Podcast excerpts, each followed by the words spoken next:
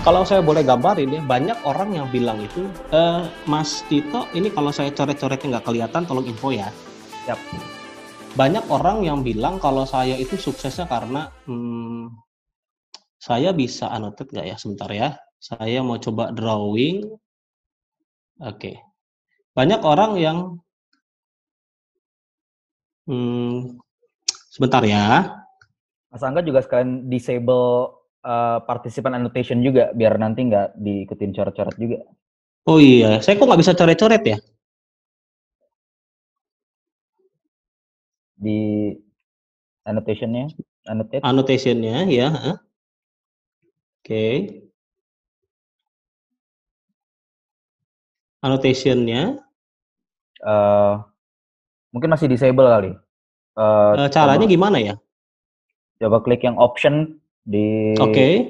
Option terus um, ada enable nggak? Oh ya. Enable ya, bentar ya. ya. Allow participant to annotate, adanya itu doang sih. Uh, coba itu Oh, saya nggak bisa ya. Mm -hmm, udah, malah tulisannya jadi disable. Kalau Mas ini bisa ya, Mas Ito ya?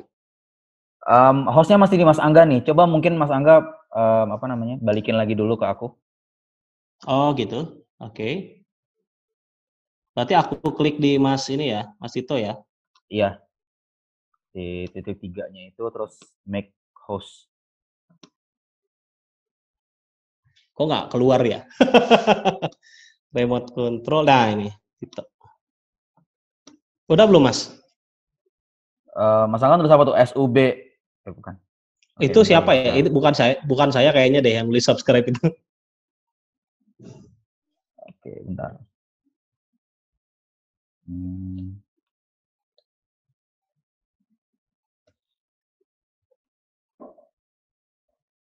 Di aku sih muncul tuh. Bisa ya? Oh, di aku saya berarti kalau ini. Eh noted draw. Ya udah nggak apa-apa deh. Gini. Ya udah aku cerita aja teman-teman. Jadi banyak orang yang berpikir bahwa eh, kenapa kalau si A bisa sukses, oh pasti 50% karena keberuntungan, gitu. Dan banyak teman-temanku yang juga berpikir hal yang sama. Wah, enggak, dulu nggak kelihatan sih bibit-bibit jadi pengusaha, tapi kok bisa ya bikin ini? Pasti beruntung dia ketemu orang banyak. Padahal saya yakin yang namanya kesuksesan itu nggak ada istilah namanya keberuntungan. Keberuntungan itu anekdota aja sih. Gitu. Saya yakin orang sukses itu keberuntungan tuh gini teman-teman. Orang tuh beruntung ya. Teman-teman kan pasti pernah menganggap, waduh, oh, ini orang berhasil punya bisnis, enak banget ya hidupnya ya, untung banget gitu ya. Untung itu ada rumusnya teman-teman. Kalau teman-teman mau beruntung, itu rumusnya sebenarnya cuma dua. Yang pertama, rumusnya adalah siap. Yang kedua adalah peluang. Gitu. Jadi kalau teman-teman, ya, ya, sorry, ini uh, bisa di next dulu nggak? Biar nggak putih gini printnya. Soalnya oh, oke. Okay. Ya, dicoret-coret. Uh, aku nggak bisa next ya. Bentar. Coba. Oh, oke. Okay. Aku coba share screen lagi ya, sekali lagi.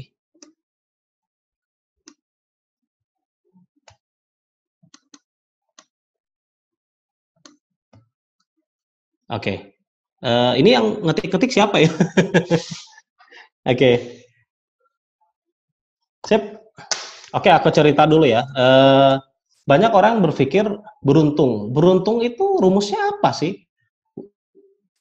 Uh, sorry, mungkin sebentar ya. Mungkin ada mouse aku gerak-gerak kayaknya deh. Bentar dulu.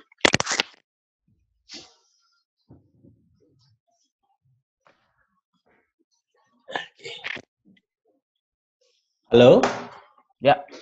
Nah, oke. Okay kita sorry ya agak kesalahan teknis tadi. Uh, orang beruntung itu ada rumusnya ada dua. Yang pertama orangnya siap, yang kedua ada peluang. Jadi kalau orang siap ketemu dengan peluang itu akan menghasilkan satu keberhasilan uji itu itu yang biasa saya sebut adalah kesuksesan teman-teman. Kesiapan itu apa aja sih gitu. Siap itu ada dua hal. Ini sebenarnya saya mau gambarin tapi karena nggak bisa jadi saya ceritain aja ya ada dua hal yang harus disiapkan orang yang mau sukses. Yang pertama dia siap ilmu, berarti ilmu yang uh, umum ya. Berarti kalau dia mau bisnis restoran, ya dia harus ngerti bisnis restoran itu kayak gimana. Dia harus pelajarin bagaimana cara buka restoran dari pagi sampai malam. Dia harus belajarin akunting, bagaimana mengelola keuangan restoran dan segala macam. Yang kedua, kesiapan di mindset. Mindset tuh gimana? Ya pola pikir. Pola pikir orang sukses tuh gimana sih? Dia harus sering baca buku, dia harus sering ngobrol sama orang lain, dia harus selalu berpikir positif, dia harus bi bisa mengelola emosi dia dan segala macam. Sehingga ketika kita sudah matang, siapan, ketemu peluang itu akan ketemu yang namanya keuntungan, keberhasilan. Nah, pertanyaannya adalah ketika kita keuntungan, apakah itu sukses? Apakah orang sukses itu orang yang beruntung? Enggak juga. Karena rumus sukses itu adalah ketika kita beruntung ketemu dengan value. Kita ada yang punya value. Value kita apa? Disiplin.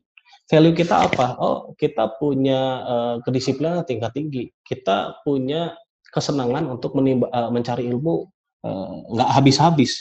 Ketemu dengan keberuntungan itu muncullah yang namanya sukses.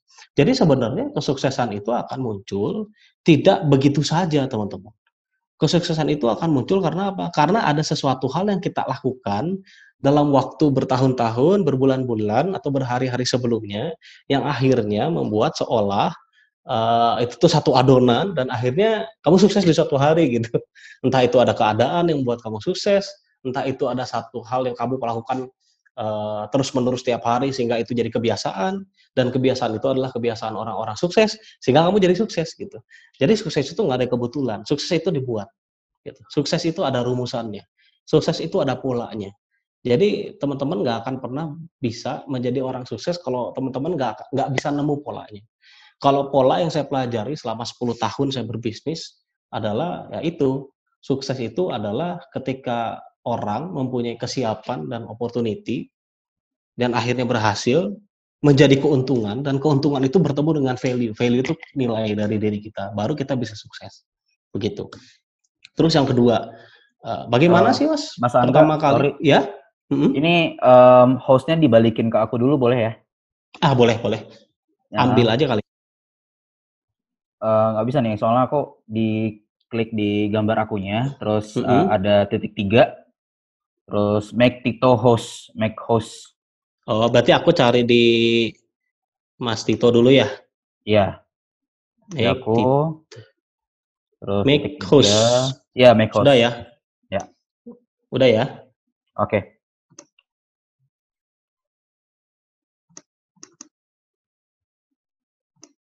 Oke. Okay. Uh, biar aku aja yang uh, apa share screen boleh ya? Karena kan boleh boleh. Ya, ah, di stop aja. Boleh. Berarti aku di stop aku stop share stop share aja ya. Ya siap. Oke. Okay. Oke. Okay. Kita share-nya dari Mas Tito ya.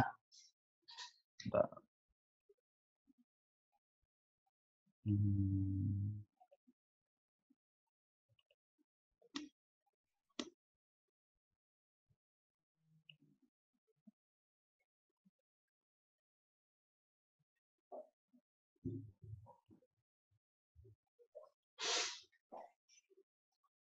Oke. Masuk ke slide mana tadi ya? Ah, setelah gambar kosong ya? Ya.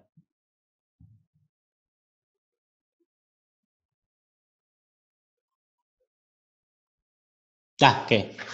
Jadi teman-teman, eh, saya coba resume dari tadi terakhir kita ngobrol. Ini suara saya kedengeran ya? Kalau nggak kedengeran Mas Tito tolong uh, apa interrupt aja langsung ya. Siap. Jadi saya yakin yang namanya kesuksesan itu nggak hanya ketika teman-teman memiliki passion dan skill aja. Jadi skill dan passion itu sebenarnya basically itu modal awal. Tapi ketika teman-teman ingin menjadi orang yang the real success, itu passion dan sukses itu harus selalu dibarengin dengan tiga hal, attitude, mindset, dan juga ilmu. Nah, saya selalu bilang sama adik-adik kelasku, sama beberapa uh, teman-teman pengusaha yang setiap minggu sering ngobrol gitu ya. Saya selalu bilang bahwa yang paling penting dari semuanya adalah attitude. Kenapa? Karena attitude itu akan menentukan kamu akan memiliki mindset yang oke okay atau enggak, ya atau ke, ke kecukupan ilmu yang cukup atau enggak gitu. Walaupun sebenarnya saya enggak terlalu yakin juga ada riset ilmiah yang mengatakan bahwa dari ketiga hal itu attitude paling penting ya. Cuman ini saya berbicara dari uh, pengalaman saya aja berbisnis selama 10 tahun. Pengalaman saya memilih orang-orang yang akhirnya bertanggung jawab untuk menjalankan uh, brand-brand saya saat ini. Karena basically saya udah nggak ada di manajemen, jadi kalau bahasa keren pebisnis itu udah autopilot gitu. Jadi saya udah nggak ada di manajemen, jadi semua bisnis saya udah jalan sendiri sama orang-orang profesional. Nah, saya selalu lihat yang pertama attitude-nya oke atau enggak, attitude-nya ingin besar atau enggak, attitude-nya disiplin atau enggak gitu. Karena yakin kalau orang attitude-nya sudah bagus ya, uh, mindset dan knowledge itu akan jadi kebutuhan. Kalau orang attitude-nya memang sudah ingin jadi pengusaha, ingin jadi besar, baca buku itu nggak perlu disuruh, baca buku itu nggak perlu diminta, nonton seminar untuk belajar ilmu baru itu nggak perlu dipaksa gitu. Karena itu akan jadi kebutuhan dia. Sama seperti kayak kita makan. Kalau kita nggak makan ya kita kelaparan gitu. Nah sama halnya dengan orang yang attitude-nya bagus gitu ya. Orang kalau mau sukses ya dia akan belajar dengan sendirinya tanpa harus dipaksa tanpa harus diminta gitu. Jadi itu kunci penting untuk jadi orang sukses menurut saya gitu. Terus yang kedua bagaimana sih dulu ketika mulai bangun bisnis, mungkin teman-teman di sini, Kak, saya mau uh, kuliah, ambil vokasi biar saya bisa belajar praktek banyak hal, tapi saya mau sambil bisnis gitu kan. Terus bisnisnya oke tuh kayak gimana sih gitu. Kalau saya selalu kasih tips teman-teman kalau mau teman-teman berbisnis itu dari yang gampang dijual aja, mulai dari dari yang laku. Jadi nggak perlu repot-repot, pikirin produk yang susah-susah, zaman sekarang ini untuk jadi pebisnis itu channelnya banyak banget, nggak kayak dulu gitu. Sekarang teman-teman mau jualan jadi reseller, jadi dropshipper, which is yang nggak perlu buat modal aja udah bisa, karena zamannya udah serba digital. Kalau zaman dulu kan nggak bisa, pengen jadi reseller harus uh, punya modal dulu, karena kita harus stok barang dulu dan segala macam. Kalau sekarang kan kayaknya udah gampang ya banyak banget. Mau bisnis yang tanpa modal pun banyak banget teman-teman. Jadi ya kalau bingung ya mulai dari kuda laku. Kalau bisnis kuliner dulu ya saya bisnisnya ya, eh, apa namanya ya nasi goreng. Karena nasi goreng siapa yang nggak makan? Tapi ya so far sepengalaman saya bisnis yang akan berkembang eh, beberapa waktu ke depan ya kalau nggak bisnis primer kayak uh, sandang pangan papan saat ini ya lebih banyak adalah bisnis-bisnis yang sifatnya ke teknologi ya. Jadi eh, apa namanya pendidikan-pendidikan yang uh, basicnya membentuk orang yang punya keahlian di bidang IT itu kayaknya ke depan bakal uh, apa namanya bakal punya peluang sangat besar gitu. Terus yang kedua Mas uh, Tito boleh di next. Oke, okay. yang kedua ketika mau mulai bisnis, nah ini tanya lagi why. Jangan cuma ikut-ikutan, sama dalam memilih kampus juga jangan ikut-ikutan teman-teman. saya punya pengalaman dulu waktu SMA itu saya tanya teman saya kamu mau kuliah di mana? Di A deh gitu. Kenapa? Cewek gua di situ soalnya. Banyak banget yang gitu loh teman-teman. To be honest ya gitu. Dacis akhirnya ujung-ujungnya tiba-tiba ya ya begitu gitu karena dia kuliah tuh nggak sesuai dengan yang dia ingin gitu. Jadi saya selalu share gitu, kalau kamu mau melakukan apa pun ya, ini nggak cuma hanya konteksnya bisnis. Mau milih kuliah kayak, mau milih ekstrakurikuler kayak, mau milih apa pun yang itu adalah milestone hidup kamu, jangan pernah bergantung sama orang lain. Jangan karena cuma ikut-ikutan, wah geng gue gitu. Anak-anak SMA kan banyak tuh yang geng-gengan berempat, berlima gitu ya. Geng gue di sini semua gitu, gue exit ah gitu. Itu sayang sih. Kalau sesuai passion sih oke okay, gitu kan ya kalau akhirnya benar gitu. Tapi kalau cuma akhirnya karena ikut-ikutan aja sih, tuh biasa teman-teman sayang. Karena saya bisa jamin eh, tiga uh, tahun atau empat tahun saat teman-teman lulus teman-teman nggak akan bisa nggak akan jadi apa-apa selain teman-teman hanya hanya ikut ikutan doang jadi jangan pernah deh melakukan sesuatu tuh bukan karena keinginan pribadi. Gitu. Harus yakin dulu. Next. Nah, kalau mau bisnis, keinginannya apa nih? Oh, kalau dulu saya bikin target begini, mau berapa duit, sekaya apa, sebesar apa, punya cabang berapa, pensiun umur berapa. Jadi kalau misalnya saya memilih kampus dulu, ya saya tanya, saya mau kuliah berapa tahun? Oh dua tahun. Sisanya satu tahun kerja. Wah, P3I cocok gitu. Terus kalau mau bisnis mau sekaya apa? Wah, saya pengen dua tahun punya ini, punya ini, punya ini. Ya udah bisnisnya yang cocok ini. Jadi selalu temukan why-nya. Jadi why ini penting teman-teman. Kadang-kadang orang nggak nggak nggak apa ya namanya nggak nggak terlalu concern ke situ ya. Makanya saya selalu bilang simple is not simple. Banyak orang berpikir kok kayaknya bikin nasi goreng mafia jadi keren, saya ratusan juta gitu. Bikin orang abnormal biasa aja, tapi sederhana, konsepnya keren, omsetnya miliaran gitu. Kayaknya kok gampang gitu ya. Karena itu tuh sudah setting di awal teman-teman. Nggak mungkin pebisnis yang berhasil itu nggak nyeting bisnisnya itu di awal. Saya tuh udah setting kalau saya mau punya mobil keren, mobil bagus, pengen berangkatin haji orang tua, pengen punya rumah di sini yang ucis keren banget gitu kan. Gua harus punya duit segini. Oh ya udah, berarti gue harus harus set bisnisnya kayak gini, cabangnya harus segini, omsetnya harus segini gitu. Dan itu tuh udah disetting di awal gitu. Itu yang membuat apa? Kita tuh gak pernah berhenti. Kita tuh punya big dream sehingga kita tuh selalu lapar gitu. Kita tuh selalu pingin pingin lebih gitu. Walaupun ya ada batasannya, ada batasannya teman-teman. Kadang-kadang orang eh, apa nih bukan berarti ingin lebih itu serakah ya. Tapi achievement itu penting dalam hidup karena ketika kita mencapai satu keinginan yang which is itu disebut achievement dan kita bisa bagikan itu sama teman-teman itu menjadi satu kebanggaan tersendiri karena saya yakin itu bisa jadi jariah, amal jariah sampai saya meninggal gitu. Dan itu keren. Buat saya dulu di usia awal 24 tahun ya keren. Itu keren banget ketika kita punya sesuatu kita udah nggak ada tapi sesuatu itu digunakan dan bermanfaat buat orang banyak tuh keren gitu. next. Nah yang ketiga pelajari ilmu walaupun sulit apa pun itu. Jadi mau masuk kuliah dulu saya mau masuk kuliah uh, public relation. Tapi saya nggak pernah mau belajar finance atau belajar akunting Saya sempat dulu berapa kali waktu kuliah sering banget bolos uh, mata kuliah akunting. Saya lupa dosennya Bu Eis kalau nggak salah namanya. Kalau ada Bu Eis saya minta maaf Ibu ya, ini salah satu mahasiswa durhaka Ibu dulu. gitu. Tapi ketika saya saya dulu saya sering banget bolos dan itu teman-teman jangan dicontoh ya. Saya mau bercerita aja. Dulu saya nggak suka banget yang namanya accounting dan finance. I don't know why, but kalau udah ketemu angka itu udah males teman-teman. Tapi akhirnya ternyata jalan hidup membawa saya menjadi seorang pengusaha dan akhirnya saya harus dihadapkan laporan keuangan setiap bulan. Dan itu mumet. Nah, kalau bahasa apa namanya bahasa Jawanya mumet ndase itu pusing kepalanya gitu. Karena kalau kita nggak nggak pandai akunting, nggak pandai baca laporan keuangan, ya gimana kamu mau manage bisnis kamu? Gitu. Bagaimana kamu mau jalan operating your business gitu?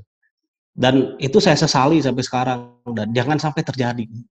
Sehingga saya selalu bilang sama teman-teman, adik-adik kelasku, pelajari ilmu apa pun walaupun sulit karena itu kita nggak tahu suatu saat itu akan berguna buat kita. Gitu. Kalau mau bisnisnya restoran ya belajar people management, financial management, marketing management, operasional restoran, buah babak segala macam. Wah itu lengkap aja gitu. Udah nggak usah pusing. Gitu. Karena yang bikin pusing itu karena kita nggak mau gitu. Jadi kosongin dulu gelasnya, pelajarin, telan aja dulu, gitu. Dulu saya sangat menyesal, jujur aja sampai saat ini, ketika awal-awal dulu sering bolos, sehingga apa? Ketika berbisnis mulai ketemu yang namanya laporan keuangan itu pusingnya luar biasa. Sampai akhirnya setelah itu saya menginvestasikan waktu saya dua bulan ketika awal-awal berbisnis itu bolak-balik ke salah satu toko buku di Bandung setiap hari hanya untuk beli buku finansial dan accounting. Jadi saya beli buku, saya baca, besoknya saya diskusi sama orang finance, oh begini-begini saya pahami, saya pelajarin gitu kan dua bulan. Sampai akhirnya di bulan ketiga orang finance itu orang finance profesional yang saya hire itu di bulan ketiga atau bulan keempat jadi saya yang training dia karena keilmuan saya lebih tinggi jadi akhirnya dan itu incredible gitu next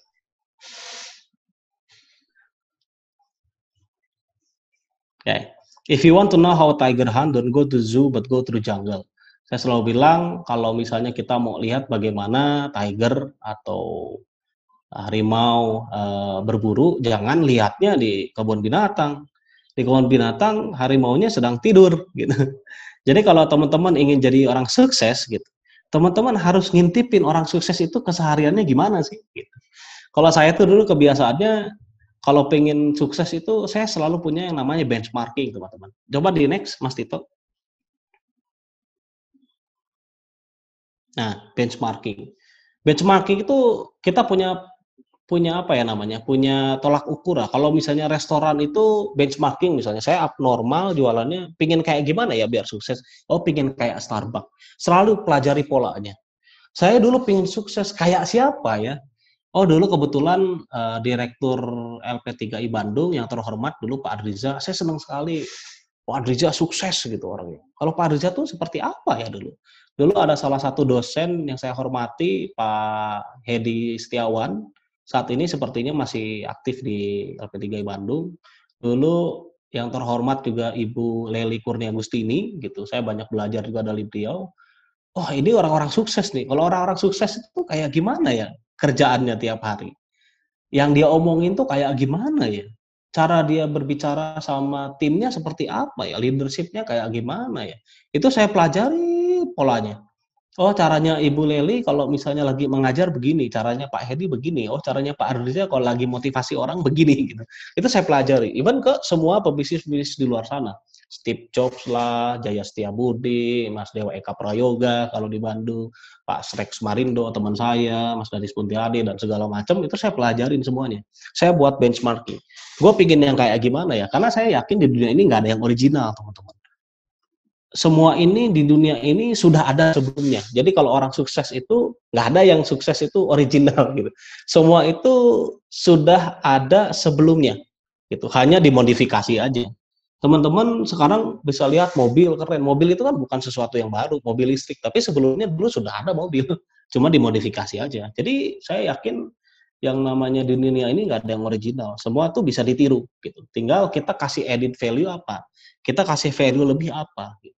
Nah, saya selalu bilang bahwa saya yakin orang-orang sukses di luar sana, selain dia sering turun ke lapangan, ngobrol sama ahlinya, ngeliatin dan mengamati bagaimana cara mereka menjalani hidup, dan terus selalu melakukan uh, apa namanya tolak ukur gitu. Kalau bahasanya apa ya, ambil patokan lah.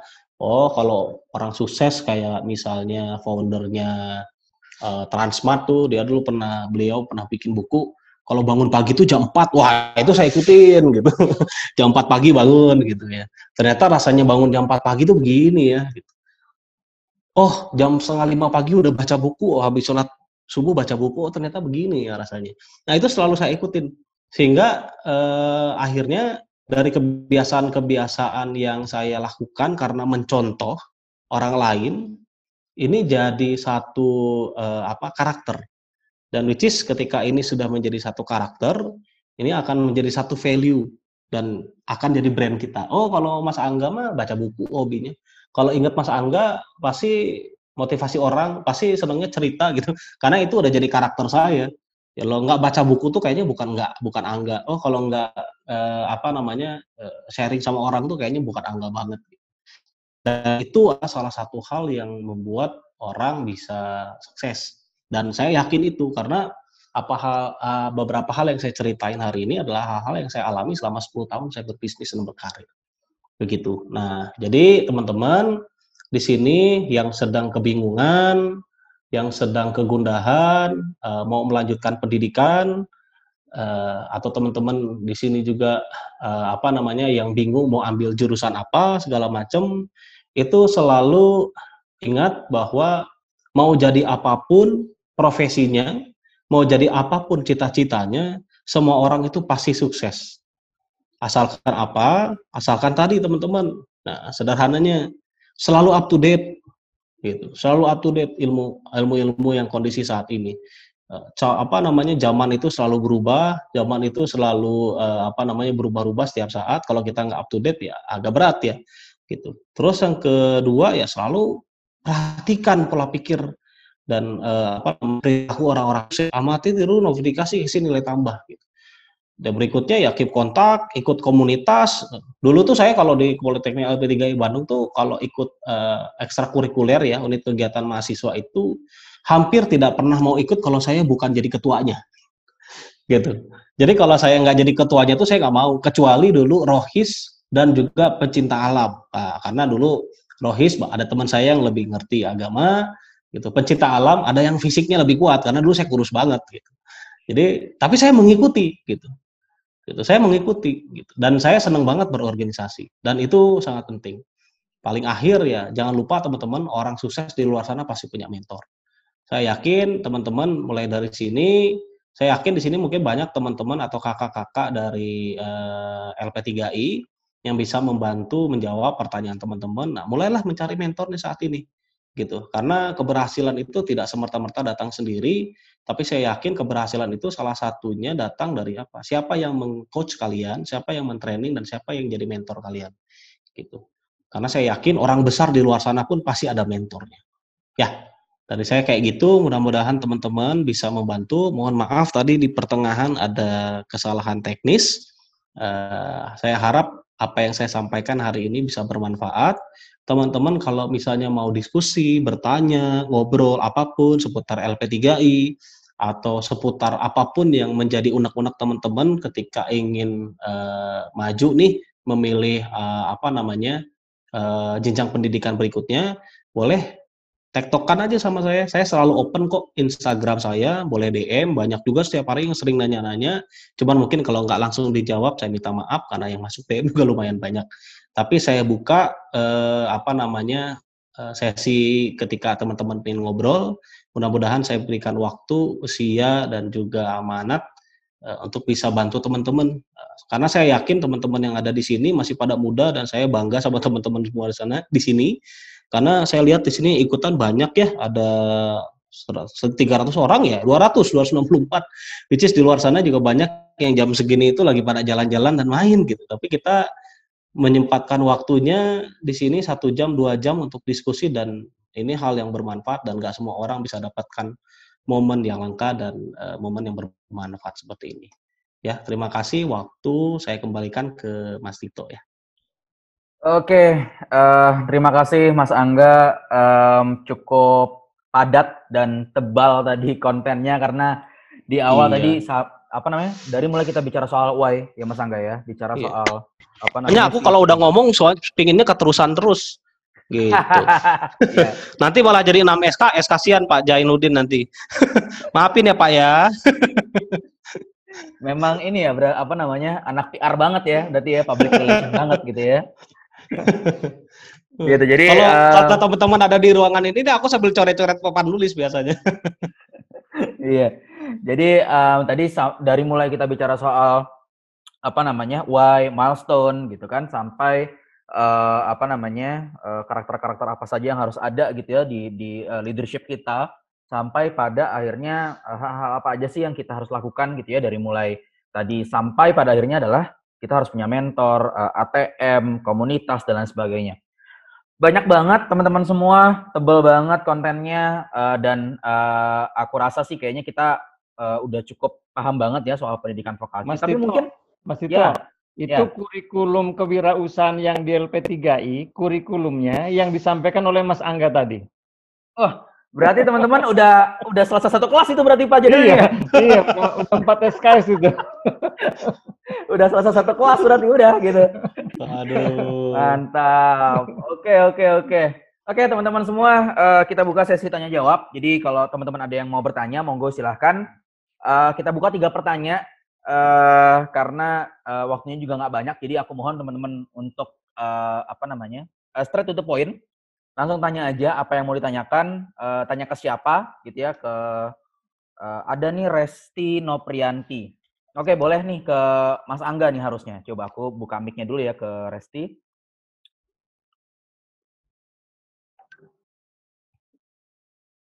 Oke, uh, Resti, monggo silakan nih kayaknya cocoknya ke Mas Angga nih. Oke. Halo Resti. Ya, halo Kak. Ya, saya ingin bertanya, bagaimana caranya agar supaya diri berbicara saat di depan umum? Soalnya saya sendiri suka gugup dalam presentasi gitu. Jadinya semua materi yang sudah saya pelajari okay. jadi tidak um, apa tidak tersalurkan gitu. Jadi salah ngomong gitu, Kak. Terima kasih. Oke. Oke, monggo Mas Angga silakan langsung aja. Oke, aku langsung jawab ya. Oke, eh, Resti, eh, to be honest, dulu juga mungkin sebelum saya masuk LP3I, bukan LP3I ya, mungkin waktu SMP kali ya, lupa SMP sama SMA, saya juga bukan tipe orang yang eh, punya keberanian ngomong di depan umum basically.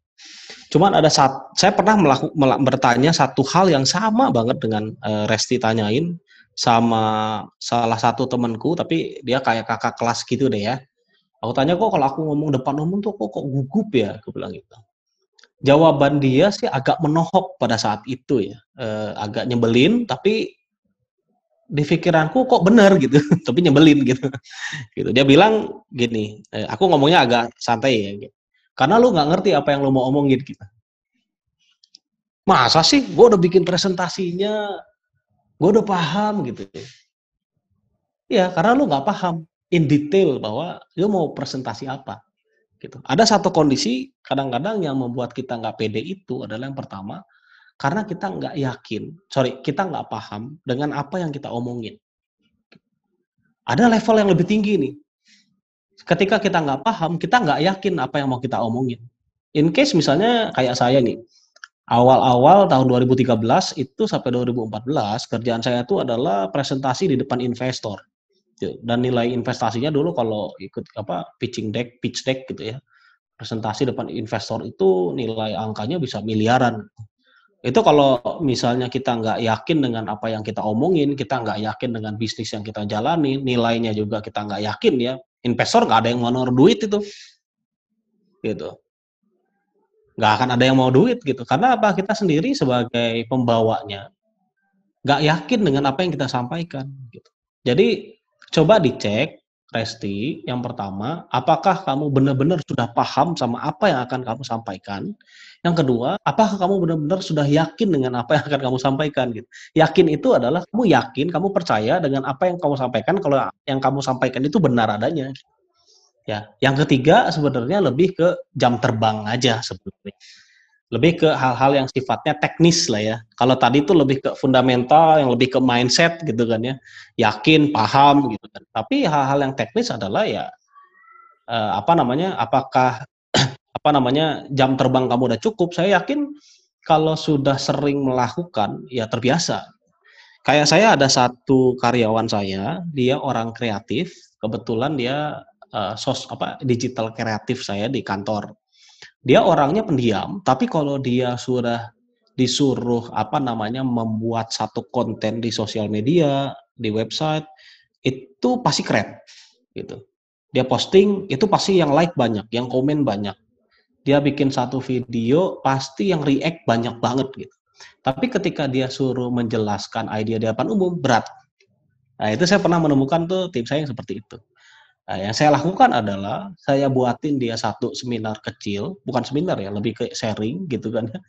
Kalau saya tuh sering bikin uh, sama teman-teman itu apa namanya kayak abnormal sharing gitu. Uh, misalnya setiap hari Jumat hanya untuk 10 orang. Nah, biasanya pembicara-pembicaranya saya tunjuk dari orang-orang di kantor. Saya punya head kreatif. Wah, gue nggak berani ngomong depan umum. Saya paksa. Gitu. Karena orang itu akhirnya bisa karena terbiasa gitu.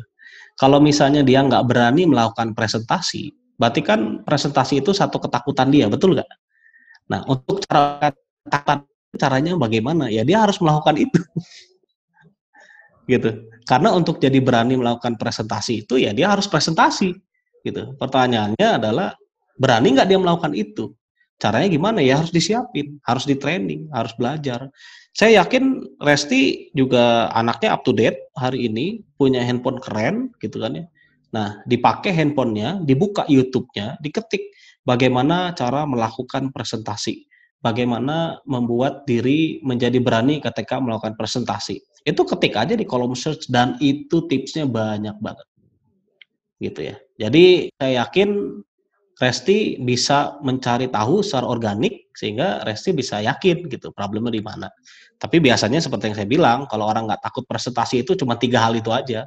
Dia nggak paham, dia nggak yakin, terus jam terbangnya kurang kurang kurang kurang apa namanya kurang lama. Itu aja. Kalau jam terbang itu kan masalah teknis kan. Asal berlatih terus, dicoba terus ya sudah. Gitu. Kalau nggak berani presentasi di depan orang, mulai dari sekarang kamu bikin target aja dashboard. Hari ini saya mau presentasi ke si A. Nah, hari ini presentasi satu orang. Udah satu minggu jalan presentasi. Setelah itu minggu kedua saya presentasi sehari kedua orang. Sama kayak lari. Eh, saya tuh dulu nggak hobi lari, sekarang juga nggak terlalu hobi, tapi saya tahu lari itu sehat. Jadi saya tuh mau mulai membiasakan diri. Satu hari sampai 10 hari ini saya lari mulai satu kilo sampai dua kilo sekali lari ya setengah jam satu jam gitu. Minggu depannya saya set pingin 5 kilo, 3 kilo, 4 kilo gitu. Dan itu harus pelan-pelan, nggak bisa langsung jago. Gitu Resti ya. Jadi yakin kamu pasti bisa lah. Tinggal butuh waktu dan butuh latihan aja sebenarnya. Siap. Oke. Saya tambahin sedikit Mas Titro. Boleh Pak Jen, silakan. Eh, Resti, jadi kebetulan kalau di LP3I, hal ini menjadi mata kuliah yang harus diajarkan ke mahasiswanya. Maka di sini, eh, Resti, karena tadi seperti yang dibilang Angga tadi, ini adalah sebuah habit yang harus melalui proses. Nah, proses itu di kampus LP3I di mana saja, ada namanya mata kuliah Personality Development. Itu semuanya praktek tentang itu, sehingga kamu menjadi PD.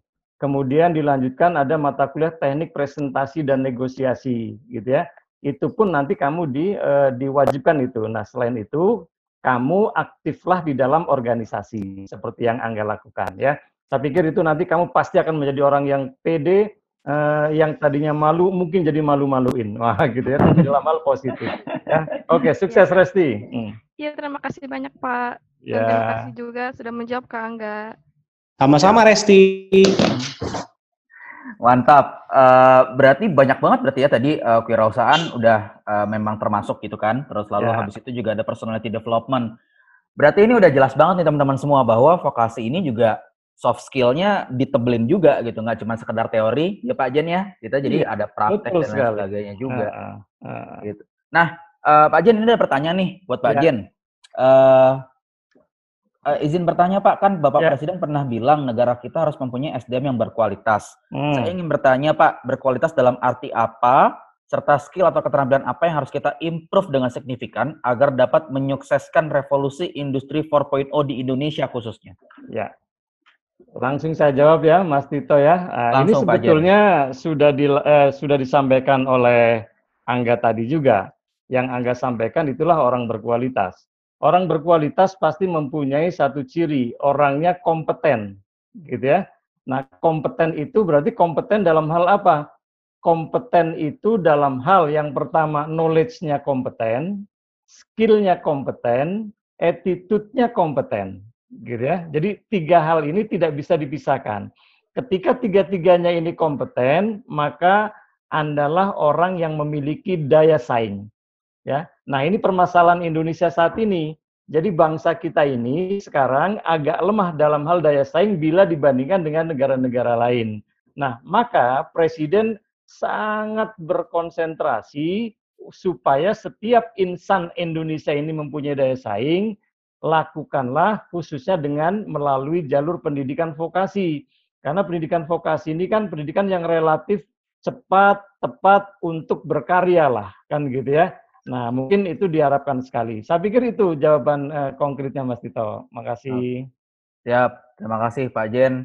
Jadi em, itu ya eh, siapa tadi yang tanya? Ada Mas Dimas di sini yang bertanya tadi. Ya. Ya mudah-mudahan menjawab ya Mas Dimas. Eh, pertanyaan terakhir untuk Mas Angga. Ini pertanyaan terakhir juga untuk sesi ini karena eh, waktunya su- sudah hampir mau jam 3 nih. Oh, Wah, sedih ya. Cuman terakhir ya. Tidak, Karena saya tidak standby nih. nan- nanti lanjut di DM Instagramnya Mas Angga ya. Mantap. Eh, ini tadi ada mana ya? Em, satu pertanyaan menarik nih. Nah, dari Setio nih Mas Angga.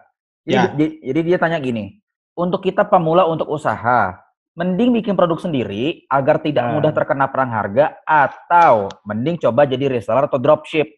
Itu Ya. pertanyaan pertama. Yang keduanya, untuk mengukur tingkat keberhasilan atau enggaknya, kira-kira berapa bulan sih kita harus ukur? Jangan sampai kita sebulan ah rugi nih, selesai deh gitu. Nah, Hmm, Berapa bagus. bulan sih kita mesti mesti stay gitu sampai oke ini kita berhasil atau enggaknya uh, di ukuran berapa bulan? Mungkin itu Mas Angga nanti mungkin Pak Jen juga bisa menambahkan. Ya, ya.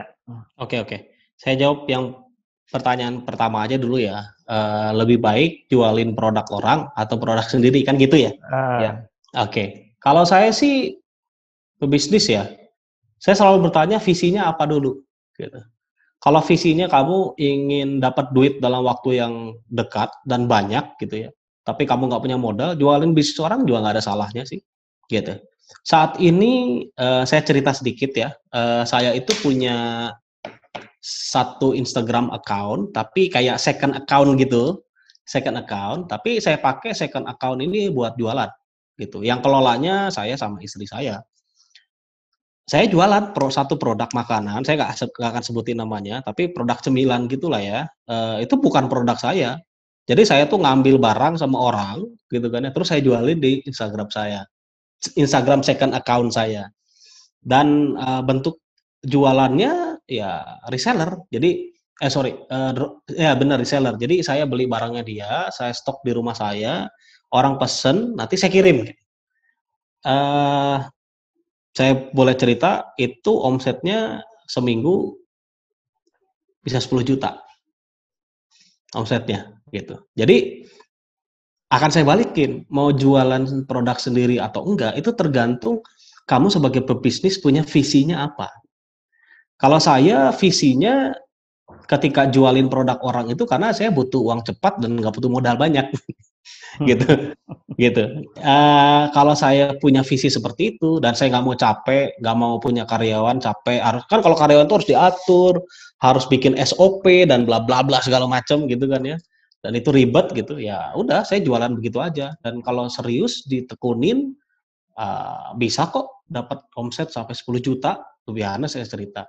Tapi kalau saya ingin berjual produk sendiri, misalnya kamu ingin punya kebanggaan, kamu ingin punya brand yang kamu kelola dalam waktu panjang, jadi gede gitu kan ya, which is itu adalah brand kamu, gitu ya. Berarti kamu harus mulai berani ambil eh, apa namanya resiko untuk apa? Untuk kebangin bisnis dengan produk sendiri.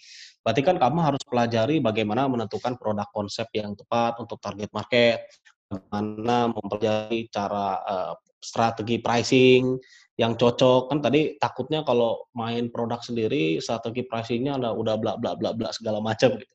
Kalau saya jelasin panjang nih karena strategi pricing itu tergantung dari siapa target market kamu yang akan kejar, siapa yang target market mana yang akan kamu sasar kan sebenarnya seperti itu gitu. Kamu harus pelajari manajemen financing, manajemen operasional, manajemen legal, manajemen segala macam gitu. Dan saya pikir uh, mau berbisnis dari produk sendiri atau produk orang lain sih nggak ada ya salah ya, nggak ada yang benar juga gitu. Karena ujung-ujungnya bisnis itu making money gitu. Apa pun yang making money itu bisnis gitu. Jadi kembali lagi kalau mau pilih mana produk sendiri atau tidak, kembali lagi ke uh, kamu siapnya di mana dan visi kamu apa. Karena kalau mau bisnis sendiri dengan uh, bisnis dan jual produk orang kan kesiapan kita juga harus sesuai ya. Kalau bisnis jualin produk orang mungkin kan secara instrumen kesiapan kita nggak butuh banyak ya. Kita cuma butuh duit doang, beli barang orang, jualin udah. Tapi kalau misalnya mau bangun produk sendiri kan berarti kamu harus punya dapur. Dapur itu bukan berarti kitchen buat masak doang ya. Buat berproduksi gitu kan ya. Kamu harus punya supplier, kamu harus punya uh, apa namanya uh, tim dan segala macam dan itu juga ada effort khusus gitu. Uh, tapi nggak ada yang nggak oke, okay, dua-duanya oke okay, karena mana pun ujung-ujungnya making money gitu. Dari saya sih gitu Mas Tito ya, kalau pertanyaan okay. pertama. Ya, sedikit tambahin mungkin Mas Tito, Mas Angga. Uh, jadi yang pertama ya kebetulan uh, saya selain direktur juga ada usaha ya. Artinya menarik sekali pertanyaannya, tapi intinya begini. Kadangkala hidup itu harus memilih atau jangan menjadi pertanyaan pilihan gitu. Kalau bisa dua-duanya, kenapa harus memilih? Kan bisa seperti itu, ya. Nah, kemudian intinya, ya saya dari mulai SMA kelas 3 saya sampai sekarang udah udah usaha juga gitu, nggak nggak pernah menggantungkan ke orang gitu. Nah, termasuk nanti uh, ada yang bertanya tadi, siapa tadi uh, namanya? Uh, seperti Mas Angga inilah nanti yang menjadi dosen-dosen LP3I gitu ya. Jadi artinya dosen-dosen LP3 itu ya kalau bisa Mas Angga harus menyempatkan menjadi dosen tamunya LP3I Bandung. Wah, gitu Mas. Wah, senang banget, ya? Pak. Iya, harus karena eh, saya pun ke dosen-dosen bagaimana Anda menjadi eh, pengusaha-pengusaha dan lain sebagainya karena di sini apa? Di sini mahasiswa eh, politeknik itu adalah pasar dan pemasar gitulah ya intinya di situ. Nah, sehingga kesimpulannya dari pilihan tadi menurut saya eh, ada yang bertanya ini. Yang pertama, eh, ada pertanyaan menarik yang harus kita jawab. Satu, apa yang kamu bisa? Ya. Kemudian apa yang kamu suka? Kemudian apa yang kamu punya? Gitulah. Mulailah dari situ gitu. Ya, jadi eh, dengan mulai ini yang penting tadi yang disampaikan oleh Mas Angga gitu eh, mulai dari mimpinya dan lain sebagainya gitu ya. Insya Allah jadi. Nah kadangkala yang paling berat adalah ketika kita mau melangkah, gitu ya. Ketika sudah melangkah, yes, gitu, Bismillah, gitu ya. Visinya kuat, insya Allah tercapai. Itu aja untuk memotivasi adik kita ini. Makasih Mas Tito, Mas Angga luar biasa. Mantap. Oke, berarti habis ini mungkin saya ngobrol juga nih sama Kang Hedi. Kayaknya Mas Angga oke nih kalau jadi dosen tamu. Harus. Kang Hedi masih, Mas Angga masih eh, aktif di Ya, masih, masih. Masih masih. Ya. Mm. Oke, em, itu teman-teman semua. Jadi hari ini selama dua jam full kita ngobrol sama dua orang yang expert banget dan tebel banget kontennya. eh, bicara soal pendidikan vokasi, bicara soal entrepreneurship atau wirausaha, sampai pada karakter-karakter dari eh, leadership yang eh, menjadi hasil dari pendidikan vokasi seperti apa, khususnya di LP3I. Jadi Ya. teman-teman semua banyak juga tadi eh, Pak Ajan juga sudah jelaskan kelas-kelas gitu ya, yang Ya. mana eh, tadi yang dijelaskan oleh Mas Angga tadi sudah jadi satu kelas sendiri ya Pak Jen ya. Udah langsung dapat nilai tuh. iya, harusnya nanti habis ini ada daftar absen kali ya. Wah. Oke, oke seru sekali teman-teman semua. Eh, tapi eh, mohon maaf juga sebelumnya bahwa eh, kita sudah eh, ha- hampir di penghujung acara. Jadi sudah hampir jam 3 sore nih. Ya. Eh, padahal jadwal aslinya jam setengah tiga nih Pak Jen tiga, Iya betul. Mohon maaf juga nih jadinya agak mundur nih sebentar ya. Oh. Gitu, Buat Mas jadi- Angga masih kurang gitu. Oh iya, buat saya masih kurang. Saya biasa ngomong tiga jam minimal. Oke oke nanti nanti kita sempatkan lagi Mas Angga volume 2 kali ya. Nah, mantap. Hmm. Oke itu teman-teman semua. Jadi eh, kesimpulannya adalah bahwa eh, pendidikan vokasi ini membentuk teman-teman semua menjadi eh, karakter yang eh, penuh dengan eh, kepemimpinan, sifat-sifat kepemimpinan gitu ya, eh, disiplin juga eh, tadi seperti apa kata Wazen bahwa pasar dan pemasar. Jadi eh, teman-teman semua eh, keluar gitu ya, output gitu ya dari teman-teman eh, eh, bersekolah atau eh, melanjutkan pendidikan dan pendidikan vokasi ini bukan jadi eh, apa namanya? eh, bukan jadi apa ya eh, pilihan lagi mungkin mungkin udah jadi pilihan utama kali ya gitu mudah-mudahan eh, teman-teman semua makin eh, terbuka juga makin tahu juga bahwa apa sih pendidikan vokasi mungkin teman-teman yang sudah eh, sudah eh, jadi peserta didik atau eh, sudah ter- terregistrasi gitu ya makin yakin lagi dan malah ngajak teman-temannya juga nih habis Ya. ini gitu jadi em, teman-teman semua mudah-mudahan kita bisa ambil manfaat dari eh, sesi hari ini Eh, saya pribadi mau minta eh, terima kasih eh, ke minta terima kasih lagi. Maksudnya saya mau mengucapkan terima kasih. Hmm. Iya, ke Pak Jen sebagai Direktur Pelatihan LPG Jakarta sudah Sama-sama. menyempatkan waktu. Pak Jen, terima kasih. Mohon maaf nih diganggu nih weekend nih. Wah, lu- malah Kan- luar biasa ini. Dan juga Mas Angga, eh, terima Ya. kasih sudah Sama-sama. hadir. Saya yang terima kasih ya. Hmm. Saya yang terima kasih sama Mas Tito, sama Mbak Fani, sama Pak Jainuddin udah diundang. Ini satu apa ya namanya satu momen senang banget gitu sebagai alumni bisa diundang dan bisa berbagi. Ya. Mudah-muhadan bisa bermanfaat. Amin. Terima kasih Amin. Pak Jainuddin. Terima kasih Angga luar biasa. Terima kasih eh, eh, sekali lagi untuk eh, Pak Jainuddin dan Mas Angga sudah menyempatkan waktunya. Eh, terima kasih juga teman-teman yang sudah hadir di eh, sesi webinar kali ini. Eh, kita akan punya lagi webinar eh, dua kali dalam sebulan, teman-teman rutin gitu ya. Jadi tunggu saja informasi selanjutnya. Eh, teman-teman kalau tidak mau ketinggalan, langsung saja follow Instagram kita @lp3i.indonesia. Jadi supaya teman-teman nggak ketinggalan informasi pendidikan vokasi dan juga webinar-webinar kita. gitu ya. Uh, dan info-info terakhir dari uh, LP3I. Nah, itu aja teman-teman dari uh, saya uh, Pak Jainuddin dan juga Mas Angga. Ya, ya. Uh, sila, uh, monggo kalau Pak Jen mau uh, meninggalkan ruangan ataupun Mas Ya. Angga. Ya, terima Oke. kasih semuanya. Assalamualaikum. Sukses semuanya. Waalaikumsalam. Terima kasih Pak Jen. Mantap. Terima kasih Mas Ya. Angga.